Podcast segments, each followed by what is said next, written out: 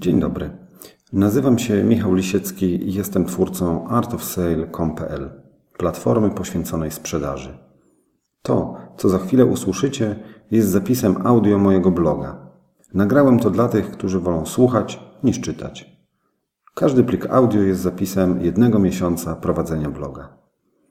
Dla tych, którzy chcieliby być na bieżąco z najnowszymi wpisami, a także z materiałami audio i wideo, zapraszam na stronę artofsale.com.pl. Zachęcam również do bezpośredniego kontaktu pod adresem kontakt małpa artofsale.com.pl.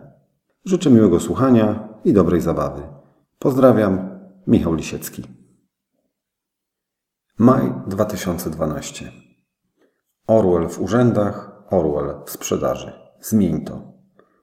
2 maj 2012. Reporterzy telewizyjni często raczą nas w swoich programach widokiem urzędników made by Orwell. Urzędnicy ci mają wielki problem z prawidłową komunikacją z tymi, którzy płacą im pensje, czyli ze społeczeństwem przed telewizorami. Ostatnio w programie tego rodzaju widziałem historię staruszki, którą syn alkoholik doprowadził do sporego zaniedbania. Po upływie pół roku ktoś z rodziny zorientował się, że nie dzieje się dobrze i doprowadził do umieszczenia staruszki w szpitalu, gdzie szczęśliwie dochodzi do zdrowia. Reporter w poszukiwaniu winnych trafił do miejscowej opieki społecznej. Kierowniczka placówki rozłożyła na stole dokumenty, z których wynikało, że instytucja ta wszystko sprawdziła i staruszka nie kwalifikowała się do jakichś tam norm pozwalających na ingerencję. Przecież miała opiekę syna. Po raz kolejny urzędnik instytucji państwowej wypadł na wizji jak robot do wypełniania papierków. A że z papierków wynikało, że sprawy nie ma, to w rozumieniu kierowniczki sprawy nie było.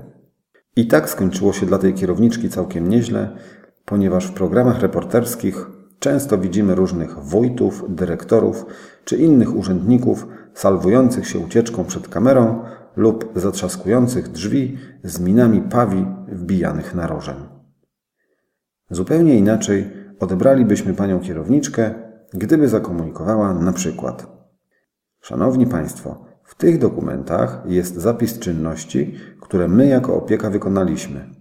Jak widać, zrobiliśmy za mało. Chcę serdecznie przeprosić panią X, że nie udało nam się jej pomóc w ciągu ostatniego pół roku. Obiecuję jednak, że wyciągniemy wnioski z tej sytuacji, żebyśmy mogli w przyszłości skutecznie przeciwdziałać podobnym patologiom. Bardzo źle się czuję, że ta sytuacja miała miejsce i tym bardziej podejmę wysiłek, aby nasze działania pozwalały pomagać w takich sprawach. Piszę o tym dlatego, że wielu handlowców również przyjmuje w swojej pracy orwellowską postawę. Kiedy klient zwraca się do nich z pretensjami, zasłaniają się procedurami, polityką firmy lub nieterminowymi dostawcami. Panie i panowie, dajcie sobie z tym spokój.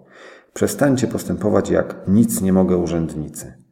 Przyjmijcie odpowiedzialność, szczerze przeproście i zapowiedzcie plan naprawczy.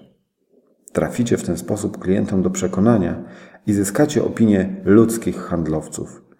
Od takich ludzi dużo chętniej się kupuje. Po wszystkim wyślijcie klientowi butelkę wina z waszą wizytówką. Następne zamówienie macie w kieszeni.